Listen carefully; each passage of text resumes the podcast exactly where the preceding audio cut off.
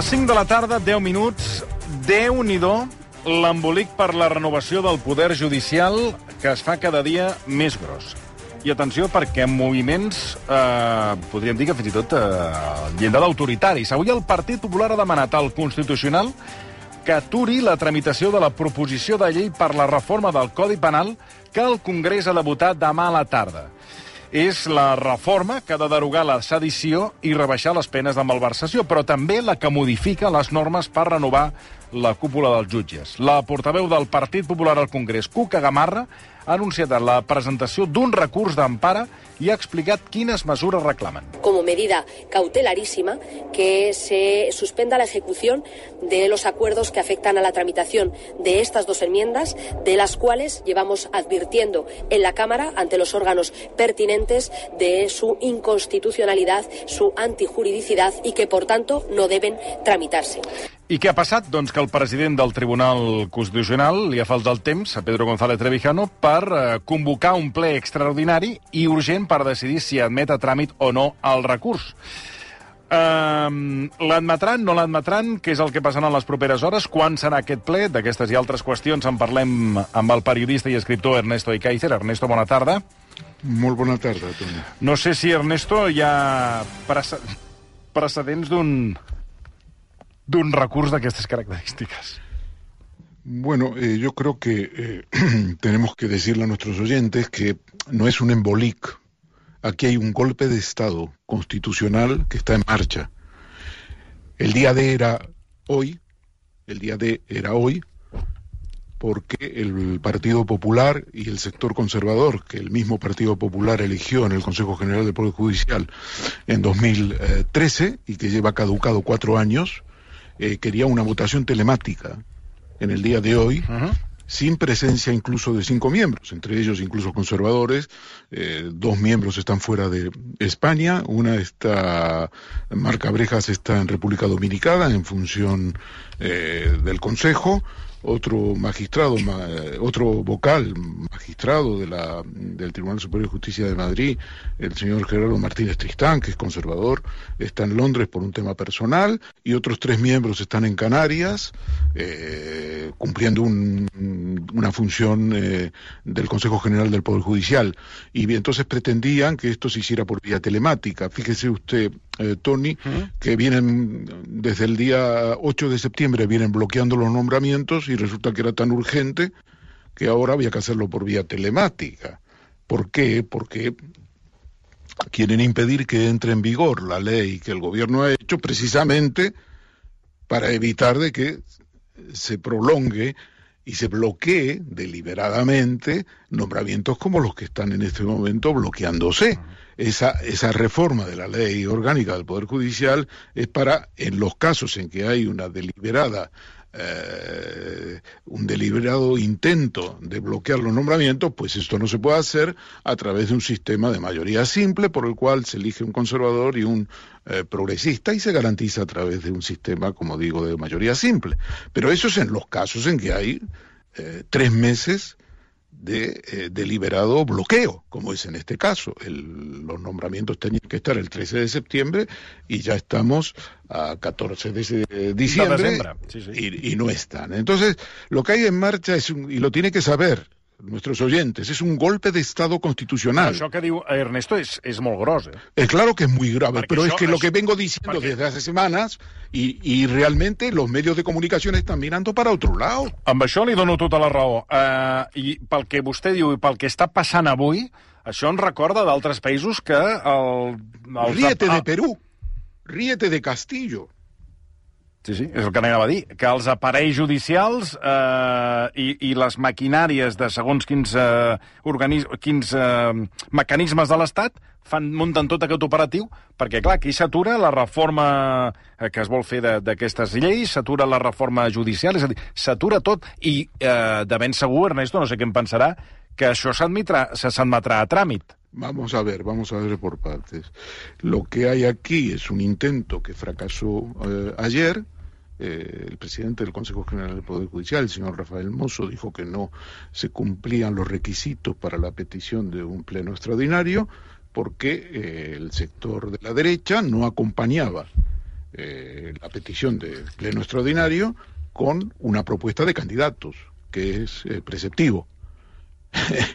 Querían ir a discutir una votación cuando saben que el candidato del sector progresista se llama eh, Juan Manuel Vandrés, que es de la sala tercera, un magistrado respetable, que a ellos no les gusta, pero es un candidato que reúne todas las condiciones, ha sido juez, ha sido, eh, eh, aparte de ser magistrado de la sala tercera durante muchísimos años, ha ejercido en distintas jurisdicciones, por lo tanto tiene todas las características, tiene además una, mm, digamos, una formación académica fuera de España, lo cual tampoco es una cosa menor, y todas las características que se habían discutido el 8 de septiembre en el Consejo General del Poder Judicial.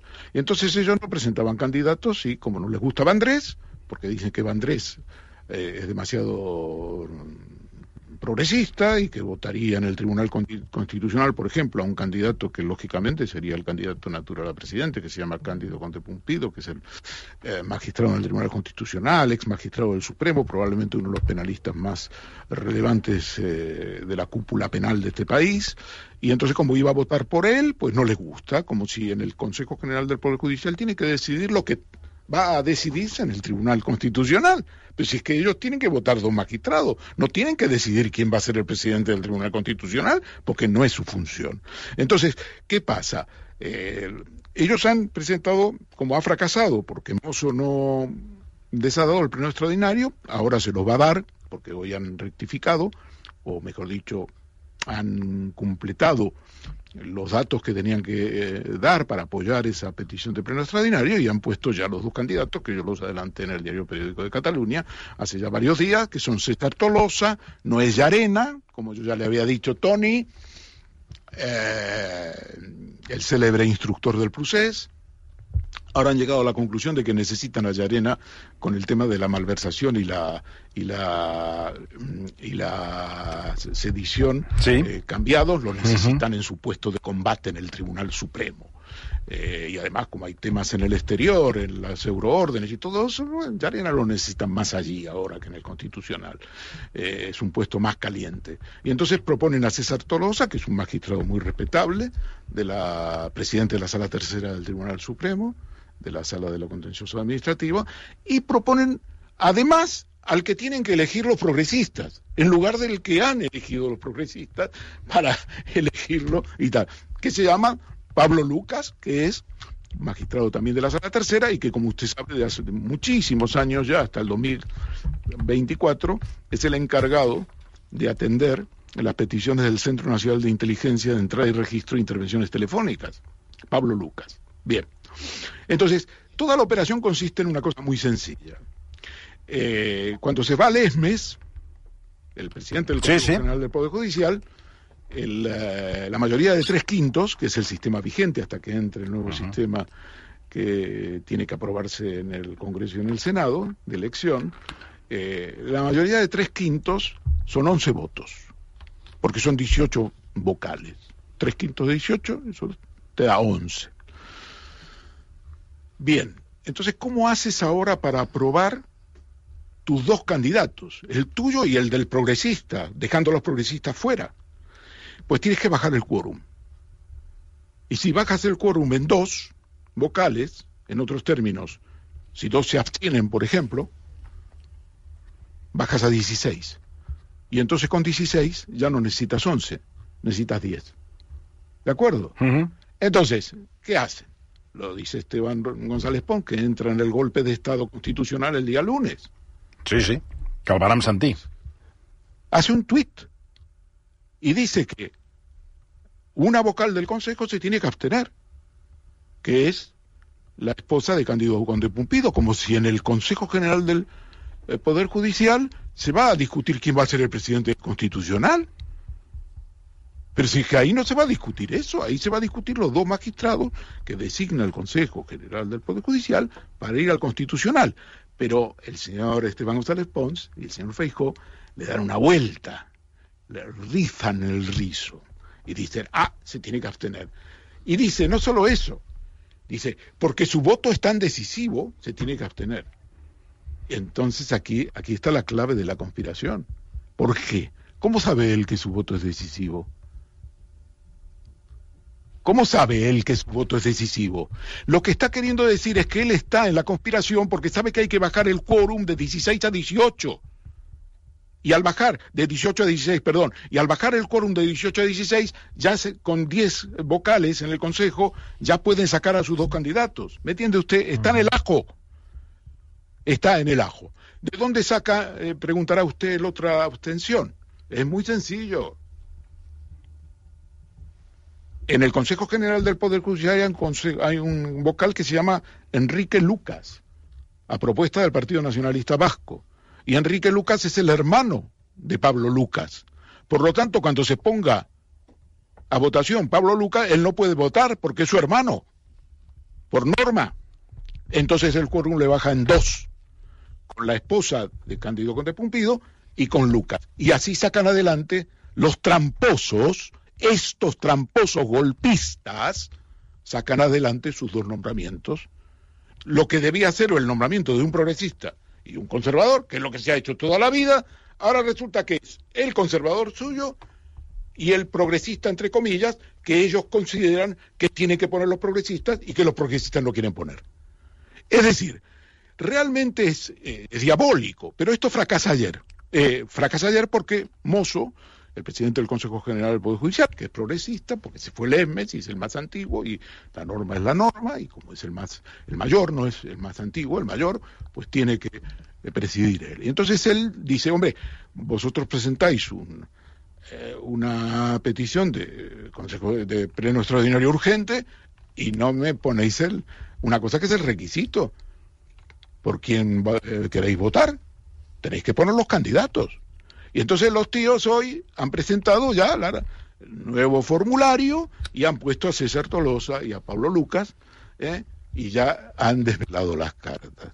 Pero claro, como esto no es suficiente, porque no saben qué va a pasar, yo sé, yo sé lo que va a pasar y es que Mozo va a convocar un pleno el lunes porque es una persona legalista y como el reglamento del Consejo General del Poder Judicial dice que cuando cinco candidatos piden la convocatoria del Pleno Extraordinario, hay que dárselo. No es como el tramposo de González Trevijano, que en el reglamento pone el punto 4 de la organización del Tribunal Constitucional, que cuando tres magistrados piden el Pleno, hay que dárselos. Sin embargo, le pidieron los tres magistrados el Pleno hace 10 días para eh, convocar el pleno extraordinario de verificación, Tony, de place, eso es lo que pedían, de los dos candidatos que ha nombrado el gobierno en el Tribunal Constitucional, Juan Carlos Campos y Laura Díez, y Trevijano ha dicho que no. Fíjese qué tramposo, él que está caducado. A ver, eh, Tony, hay que tener un poquito, hay que sonrojarse un poco, si tú tu mandato está vencido el 12 de junio pasado. Si a ti te puso Mariano Rajoy, hombre, Tú no puedes hacer lo que está haciendo. Un poquito de pudor. Apártate. Y no, deniega y dice que no, que como el día 22 hay un pleno ordinario del Consejo General del Poder Judicial, mejor esperar a ese pleno ordinario. Entonces no lo convoca. Pero Mozo es una persona honesta y estoy seguro que lo va a convocar, probablemente el lunes. Mm. El lunes 19 lo va a convocar, porque son tres días, dice la ley, el reglamento en los tres días siguientes a que te presentan la petición. No, no, no está claro si son dentro de los tres días o si dentro de los tres días el presidente tiene que convocar el pleno para otra fecha. Pero bueno, yo creo que Mozo lo va a hacer eh, para el lunes. El lunes no va a salir nada, no va a salir nada. Pero lo que están haciendo en el Tribunal Constitucional es ahora sumando al Constitucional al golpe. Entonces, tenemos que poner en letras de molde, si fuéramos un periódico, ¿eh? es un golpe de Estado encubierto. Mire, le voy a leer lo que es la norma, la doctrina del tribunal, lo puse en un artículo que debe estar saliendo ahora en las redes.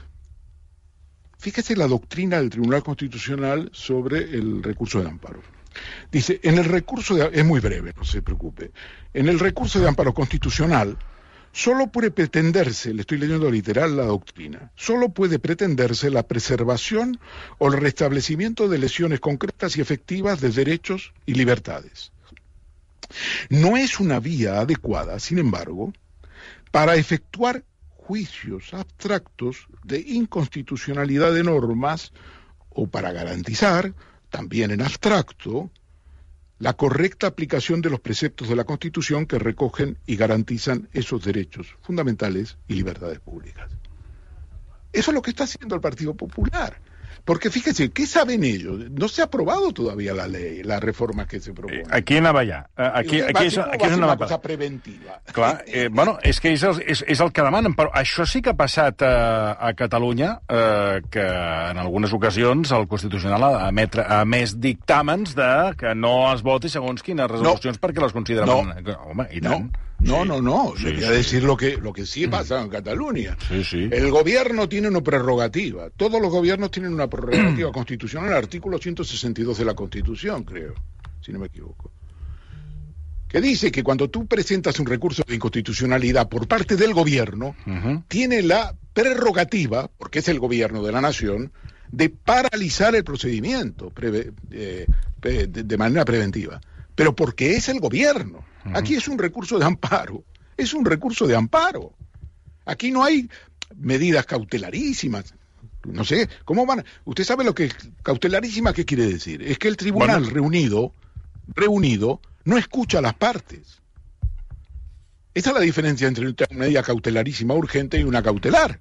En una cautelarísima tú no escuchas a las partes. Con el argumento que te han dado el Partido Popular, los señores que ha puesto el Partido Popular en el Consejo en el Tribunal Constitucional, digo, tengo toda la razón al decirlo. ¿Por qué? Porque quien ha nombrado al presbijano en el Constitucional, el señor Rajoy, en 2013. No es una metáfora lo que yo estoy diciendo. Estos señores son los que van a decir, sin escuchar a las partes, vamos, no puede ser, no puede ser, ¿cómo van a hacer eso? Si además no, la, la reforma legal no está, no está aprobada. Usted Contra cree... una reforma potencial que va a par ¿Vostè no. creu que no prendran aquesta decisió? No, yo, no, yo no lo sé. En la España de hoy es ah, como per Perú. això li dic. Clar, no sé, en la España de hoy es como Perú. Yo no, yo no hago apuestas. Yo lo que le digo es que eh, es un recurso eh, de inconstitucionalidad disfrazado de recurso de amparo y por lo tanto ya veremos lo que pasa. Mi información para este programa, porque he hablado con un magistrado del Tribunal Constitucional, es que en principio creen ellos, en el sector progresista, que eh, González Trevijano, que ha encargado hoy un informe sobre esto, porque fíjese, no hay ni informes, no hay informes de letrados sobre un recurso de amparo, y ya están diciendo que van a convocar un pleno. ¿Cuándo se ha visto esto?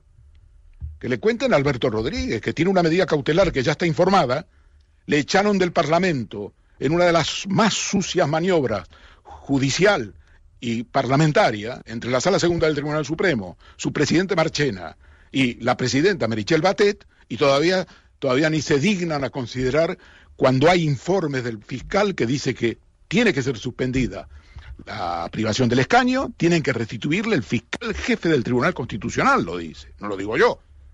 Y tienen un informe sobre la medida cautelar del letrado encargado. Y ahí está esperando el señor Alberto Rodríguez. Y estos tíos ahora quieren discutir entre gallos y medianoche eh, una medida cautelarísima sin escuchar a nadie. Vamos. És un golpe d'Estado.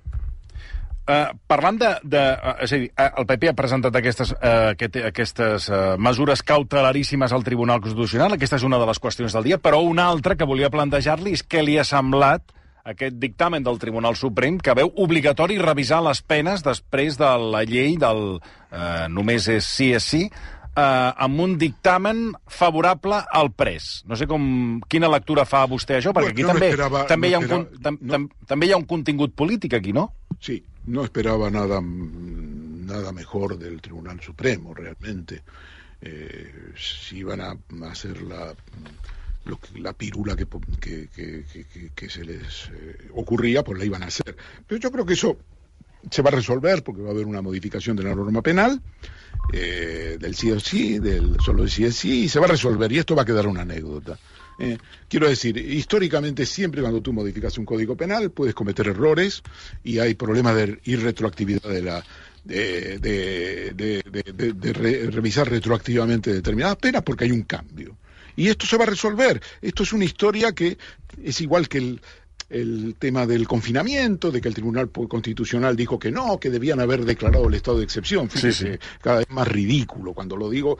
Eh, el estado és, de és, perdoni, eh, és la, la judicatura permanentment rectificant el que marca el govern espanyol i eh, fins i tot en perjudici, per exemple, de les víctimes que han viscut el que és eh, un abús eh, que pot ser sexual una, o, o, o diferents qüestions sobre aquest termini. És a dir, eh, la poca sensibilitat, la sensibilitat eh, de gel que té el Tribunal Suprem aplicant doncs, aquestes revisions de les penes mm, en aquesta escletxa que han trobat alguns advocats. Claro, porque si el enemigo es el gobierno. Ah, tant se'ls tant se hi en fot les víctimes.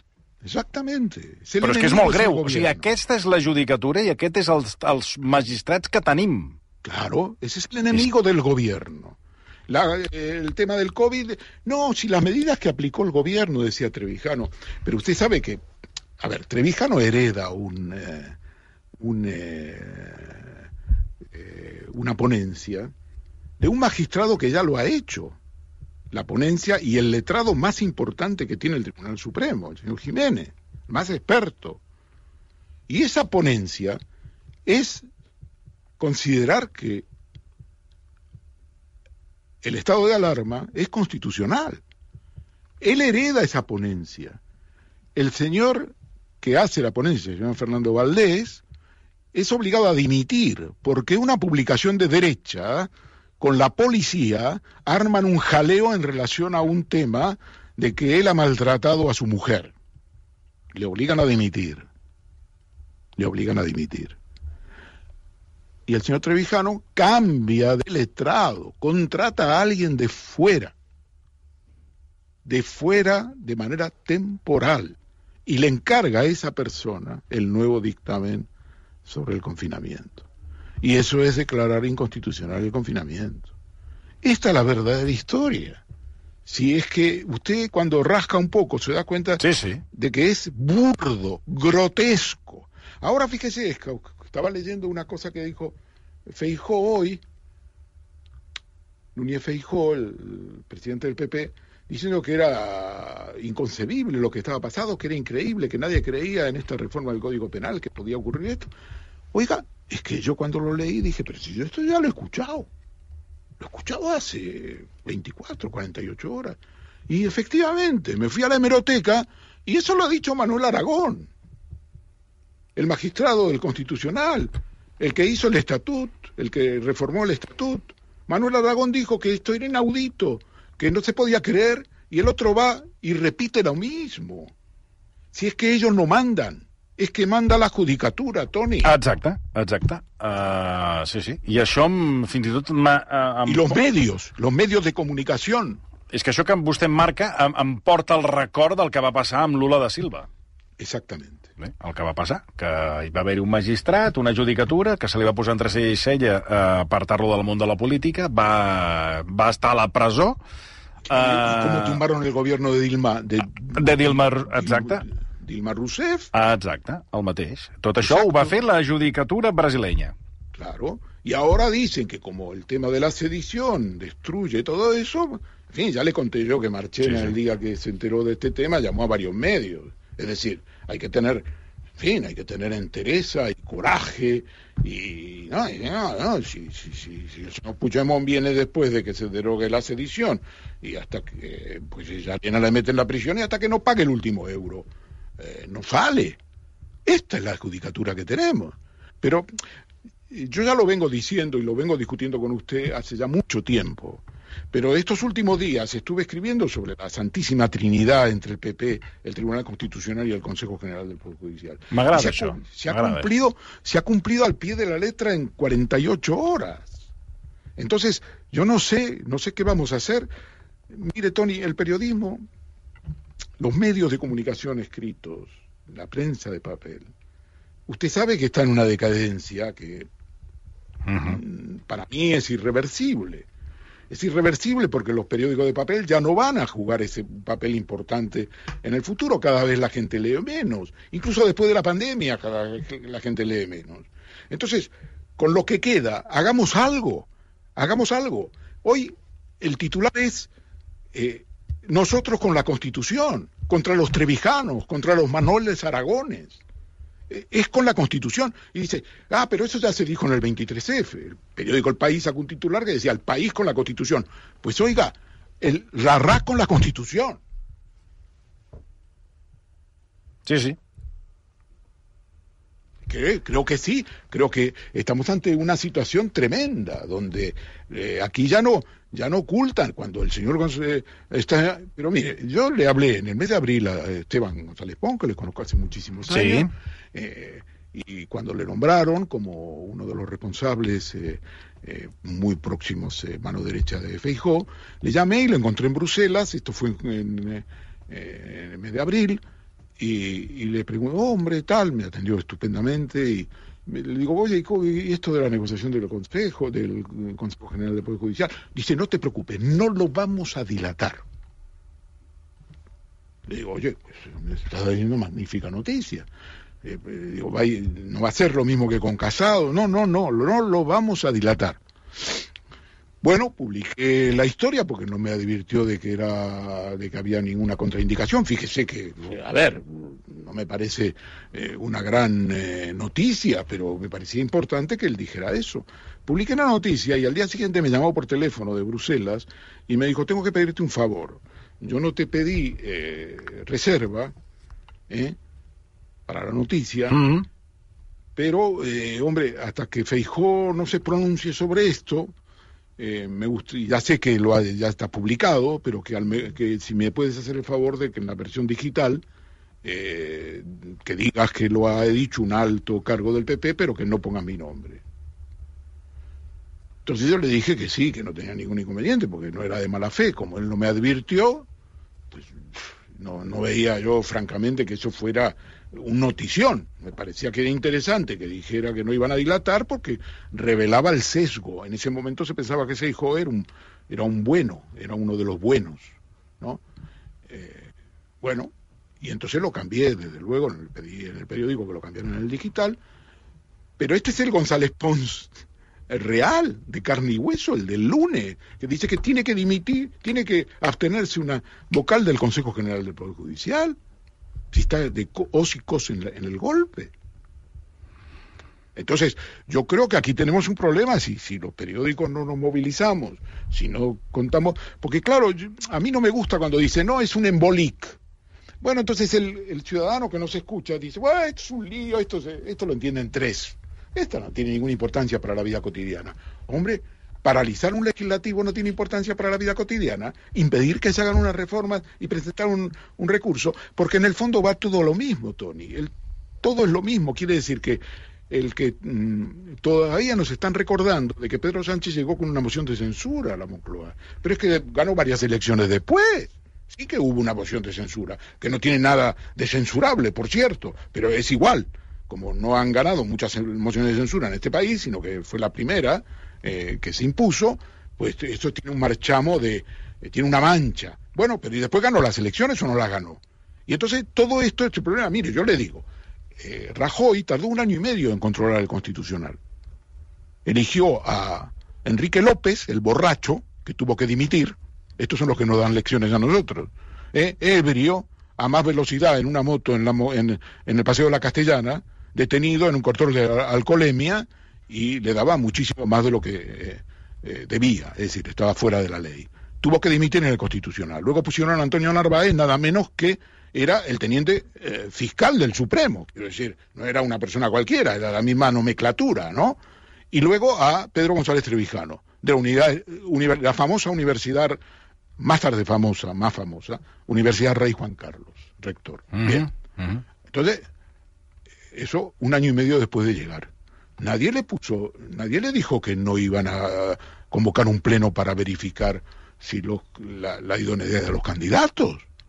Y a este señor Pedro Sánchez le niegan un pleno para verificar a los candidatos. En el fondo, lo que la derecha está diciendo con este golpe constitucional es que Sánchez es un ocupa. Esta es la verdadera historia, no nos engañemos. Fa tot això des de fa temps. Uh, des de que va guanyar la moció de censura, que sempre se l'ha vist, uh, així. Exacto, pero después ganó elecciones. Sí, sí, però és igual. I però. Sí, sí, però no estem compte. Uh, de se l'ha vist així i d'aquí no n'hem sortit. I ho veien uh, Casado i amb Núñez Feijó tampoc ha canviat absolutament res. Tampoco, Por tampoco. Y cuando tienen a su propio candidato como presidente del Consejo General del Poder Judicial eh, y Supremo como Marchena, pues no hay ningún problema de elección. Oye, adelante. Pero cuando no eh, se trata de poner a un magistrado de la sala tercera, un- una persona intachable, no, pues no. Y te vamos a poner a ti, te vamos a obligar a votar al- a nuestro progresista, al que nosotros decimos que... pro- En fin, es, es que de verdad, usted lo cuenta y- y entonces dices Perú y oyes a la gente de bien pensante de este país, oye lo que pasa en América Latina, Perú, eh, eh, Oye, pero eso no tiene nada que envidiar. No tiene nada que envidiar. Peor porque se trata de Europa, ¿no? Peor porque pretendemos dar lecciones ¿eh? y decimos que los países Sí, sí. del tercer mundo y de América Latina, incivilizados. Joder, el ejemplo que estamos dando estos días es realmente de un golpe de Estado. Y es un golpe de Estado. Y no entro si es blando o no. Yo no sé qué es lo que va a pasar el viernes, si es que, como me dicen a mí, eh, convocan el pleno eh, extraordinario en el Tribunal Constitucional, ya veremos. Pero a mí me sonroja, yo digo, yo González Trevijano, tengo el mandato vencido hace seis meses, me puso Rajoy en 2013, he sido magistrado, he llevado los varapalos contra el gobierno porque, en fin, era, era fundamental que yo demostrara lealtad. ¿Qué quieres, González Trevijano? ¿Qué quieres tú? ¿Quieres ser presidente del Consejo de Estado cuando gane el PP? Eso es todo. Esa es toda la historia. ¿Quieres un alto cargo después? No vas a volver a la Universidad Rey Juan Carlos. Hombre, si es que no puede ser que tú seas juez y parte. Ernesto Ekaizer, moltíssimes gràcies, com sempre. Gràcies. Una abraçada, bona tarda Eh? des de Madrid. Ernesto Ekaizer, escriptor i periodista. Fem, eh, res, un eh, petit parèntesi i tenim el Guillem Estadella a Port Aventura, Sí. que a les fosques, eh, on ha dit que volia... A, a l'estampida? A l'estampida. El tindrem a les fosques, clàssic. bueno, a les fosques vull dir, perquè ja és de nit, Sí. eh, llançat a estampida. D'aquí 4 minuts i connectem.